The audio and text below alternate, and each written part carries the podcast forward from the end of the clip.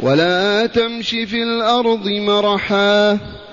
إنك لن تخرق الأرض ولن تبلغ الجبال طولا. كل ذلك كان سيئه عند ربك مكروها. ذلك مما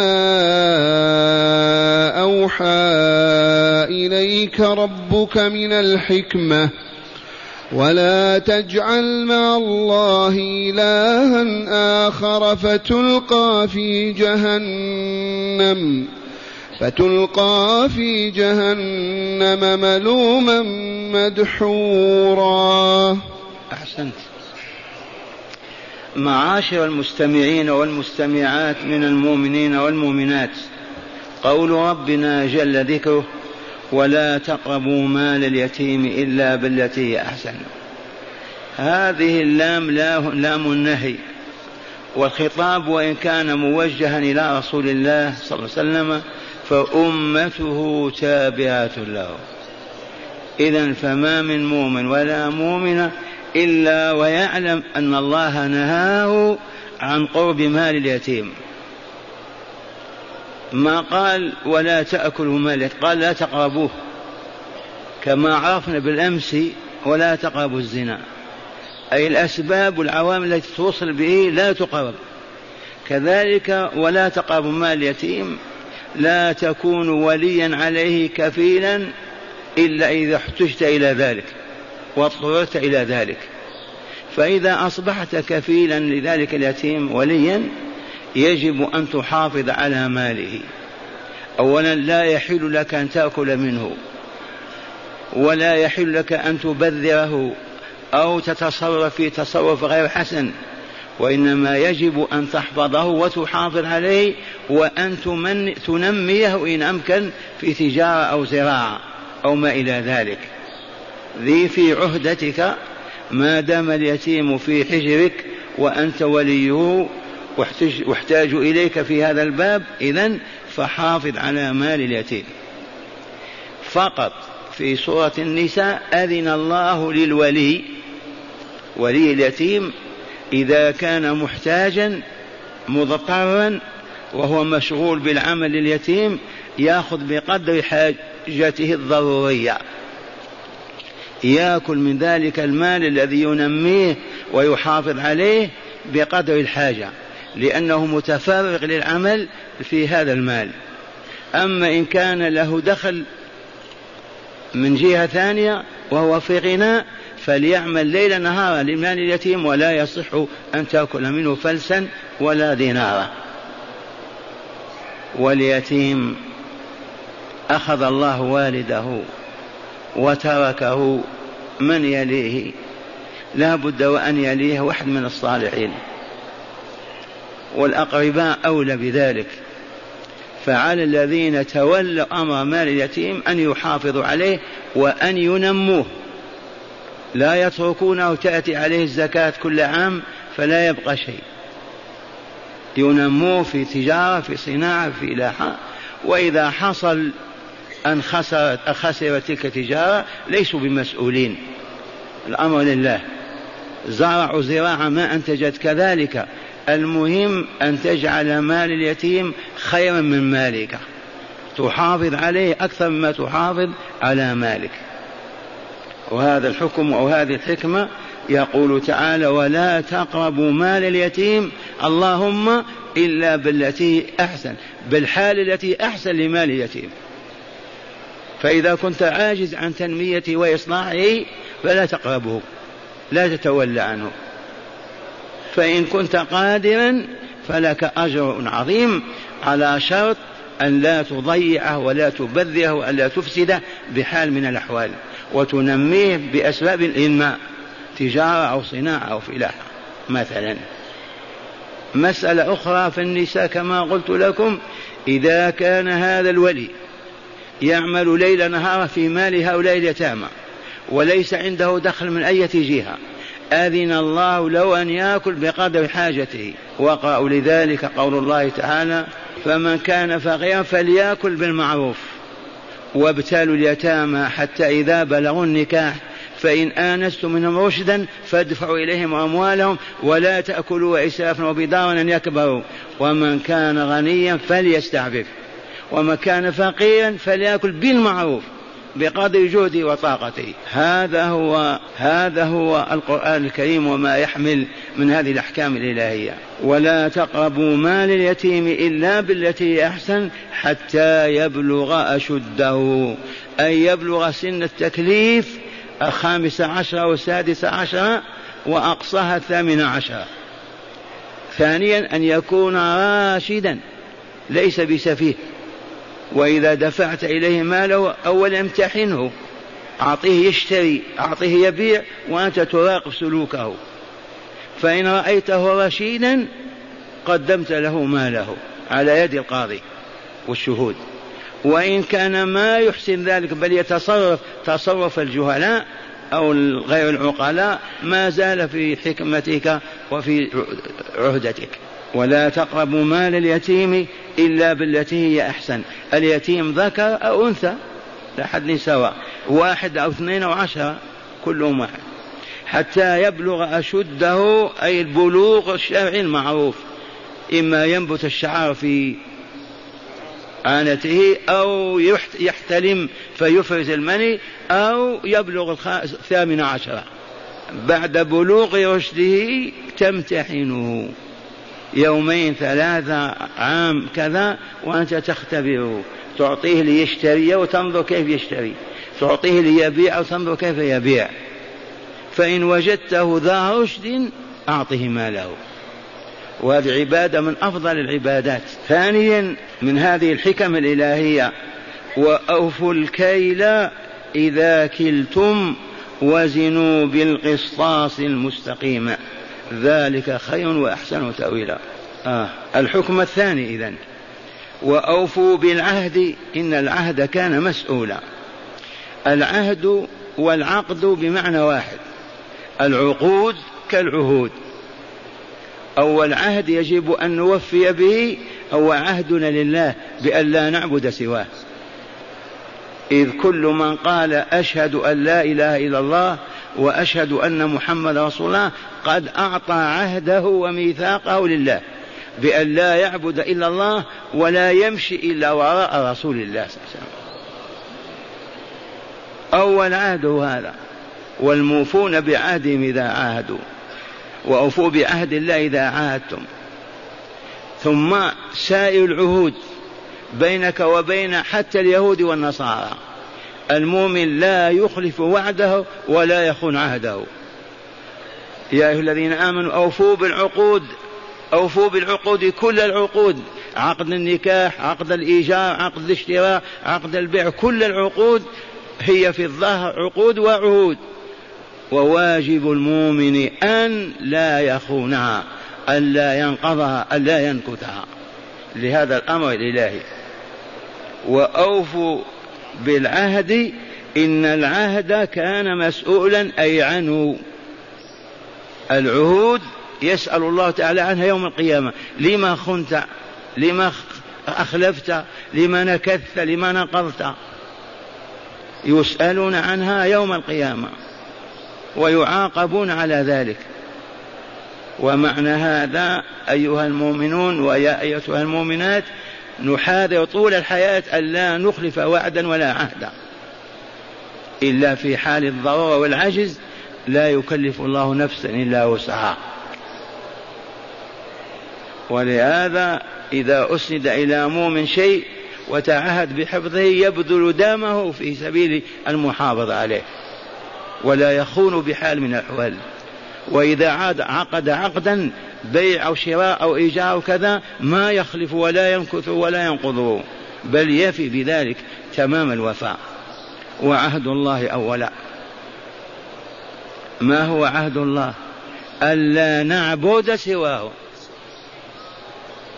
وأوفوا بعهد الله إذا عاهدتم.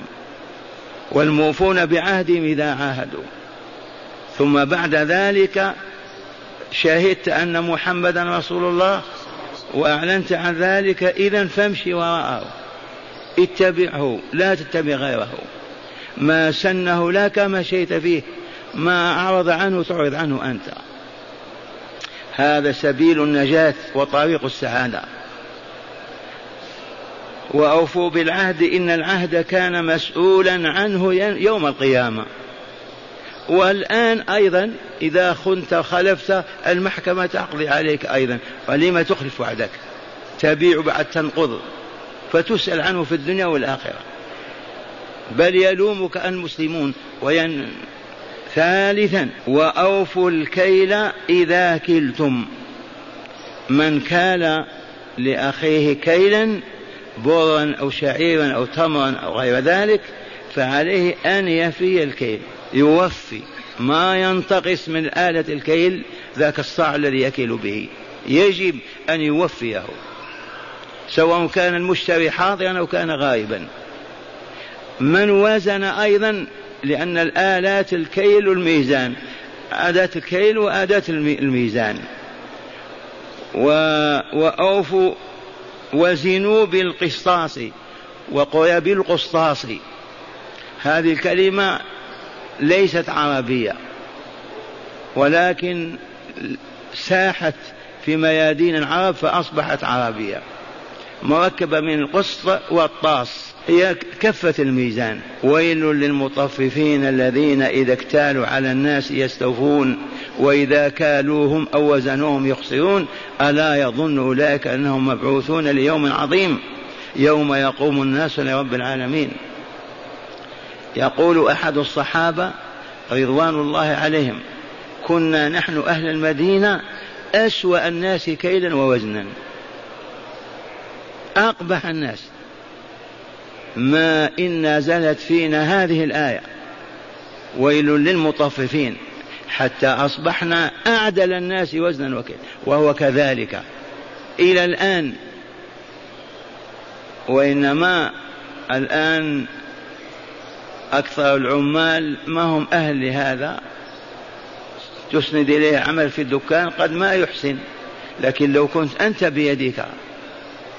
ومع هذا لا يحل لمؤمن ولا مؤمنة أن يبخس أو ينقص كيلا أو وزنا ولو تمرة واستثنى تعالى بقوله ذلك خير وأحسن تأويلا. إذا كلتم وزنوا بالقسطاس المستقيم. ذلك أي الكيل والوزن خيرا وأحسن تأويلا. خيرا يعني بركة. فالذين يحسنون الكيل والوزن والله ليبارك الله لهم في أموالهم. بها نص هذه الآية الكريمة. وأحسن عاقبة.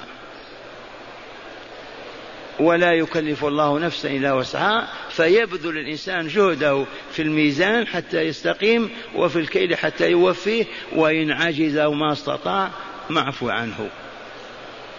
إذ لا يكلف الله نفسا إلا وسعها. يبذل ما استطاع في أن يكيل الكيل الحقيقي وأن يزن الوزن الحقيقي فإذا عجز فلا حرج عليه. عليه أن يبذل جهده فإن عجز فالله يقول لا يكلف الله نفسا إلا وسعها. إذا وأوفوا الكيل إذا كلتم وزنوا بالقسطاس المستقيم ذلك خير أولا وأحسن تأويل أي عاقبة. فهو خير في الدنيا وبركات وفي الآخرة أجور ومثوبات. رابعا ولا تقف ما ليس لك به علم. إن السمع والبصر والفؤاد كل أولئك كان عنه مسؤولا. لا تقل ما لم تسمع ولا تدعي أنك رأيت وأنت لم تبصر ولا تقل وأنت لا تعلم. سوى بيننا من علم شيئا وأيقنه أو غلب على ظن يقول به. من رأى بعينه رؤية حقيقية في حال من الحالات لا بأس أن يقول. من سمع بأذنه يقول. أما ما سمع من صاحب القضية ويسمع من فلان وفلان لا يحل هذا أبدا. أو يدعي أنه رأى وأبصر وهو ما رأى ولا أبصر ولا شاف. فهذا الموقف من أخطر المواقف. لا يحل لمؤمن ولا مؤمنة أن يقول بدون علم. أبدا. ما علمت قلت وما لم تعلم قل الله أعلم. ثانيا لا تقل أنك سمعت وأنت ما سمعت. فلان قال كذا أو فلان فعلت كذا وتقول سمعت. ما تسمع بهذا.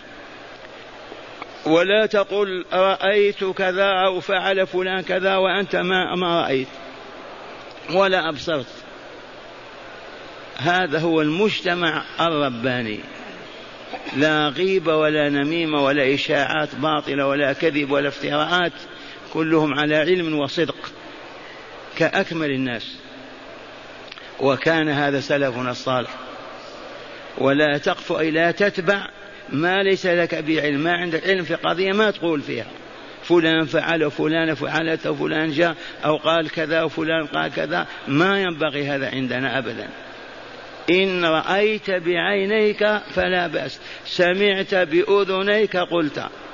فهمت بقلبك وأيقنت قل. على علمك الصادق. ولا تقف ما ليس لك به علم. إن السمع والبصر والفؤاد القلب كل أولئك المذكورون عنه مسؤولا يوم القيامة. وتسأل الجوارح لما يا عين رأيت كذا وكذا وما رأيت؟ لما يا لسان قلت وكذا وما كذا؟ يا قلب لما اعتقدت كذا وهو ما هو معتقد؟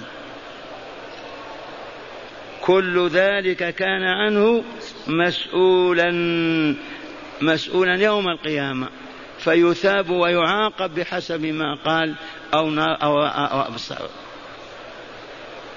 والخطاب كما قلت لكم موجه للرسول صلى الله عليه وسلم ولكن أمته تابعة له ولا تقف يا عبد الله ما ليس لك به علم.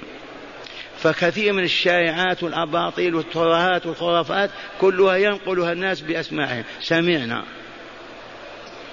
فينتشر الفساد والباطل بالبلد. كثير من الأشياء مئات المسائل ما يعرف حقيقتها عن الله ويقول بدون علم. فالفساد سببه هذا. ولهذا أغلق الله علينا باب الفساد. ولا تقف يا عبد الله يا أمة الله ما ليس لك به علم حقيقي يقيني في قلبك. ولا إن السمع والبصر والفؤاد كل هؤلاء كل هؤلاء كان عنه مسؤولا يوم القيامة. خامسا قال ولا تمشي في الأرض مرحا. المرح الخيلاء والتبختر. إذا مشيت يا عبد الله وإن لبست الجميل واحتذيت بالحذاء الهائل الكبير مشيتك يجب أن تكون مشية المتواضعين. لا ليس فيها رائحة تكبر ولا تمشي في الأرض مرحا وتضرب الأرض بالاغتيال والفخر. ولا تمشي في الأرض مرحا إنك لن تخرق الأرض. لما تضرب برجليك تتعنتر تخرق الأرض؟ ما تخرق. ولما تترفع وتتعالى تصل إلى الجبال يعني؟ إذا تلطف أحسن لك. تطامن في مشيتك ولا تضرب الأرض برجليك لأنك عبد الله. خشية أن تصاب بالكبر وصاحب الكبر لن يدخل الجنة. إن الله لا يدخل الجنة من كان في قلبه مثقال ذرة من كبر. فالكبر قد يكون خلقا خلقا يتخلقه الجاهلون. فيجب أن ينتزعوه من نفوسهم. التواضع التواضع. في المشية في القول في العمل في الحركة دائما صورة التواضع واللين. لا العنترية والتعالي والتكبر. هذا تربية إلهية ولا لا؟ ولا تمشي في الأرض مرحا. إنك لن تخرق الأرض برجليك ولن تبلغ الجبال طولا بطولك. مهما تعاليت تصل الجبل ما تصل. إذا تطامن تطامن وانخفض. وخاصة مع إخوانك المؤمنين لن جانبك لهم سبحان الله العظيم. كيف يصبح المجتمع ليطبق هذه؟ ولا تمشي في الأرض مرحا أي خيلاء وكبرا إنك لن تخرق الأرض برجليك ولن تعلو إلى الجبل وتصبح عالي مثل الجبل. إنك لن تخرق الأرض ولن تبلغ الجبال طولا في طولها وعلوها ثم قال تعالى كل ذلك كان سيئة. قراءة الجمهور كل ذلك كان سيئه قراءة حفص. كل ذلك كان سيء عند ربك مكروها. ما هذا الكل؟ خمسة وعشرين أمر ونهي.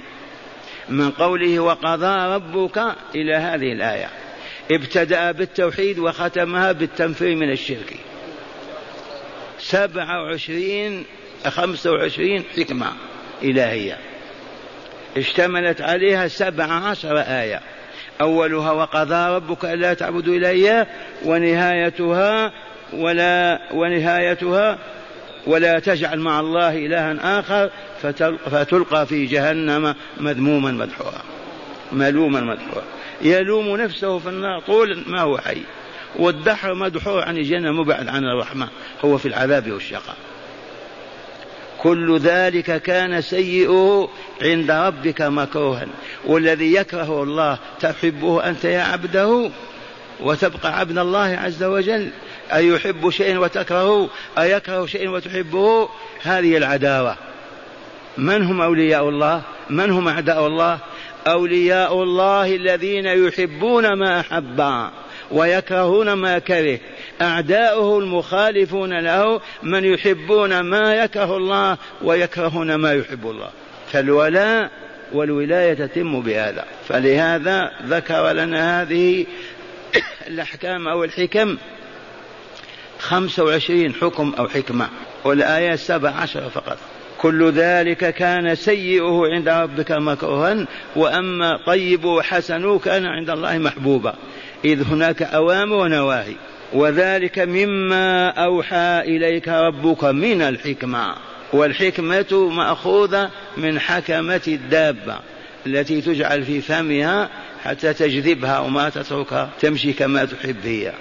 فالحكمة قول أو فعل يحكم صاحبه عن أن يقع في السوء أو يقع في الخطأ أو يقع في الظلم والفساد والشر.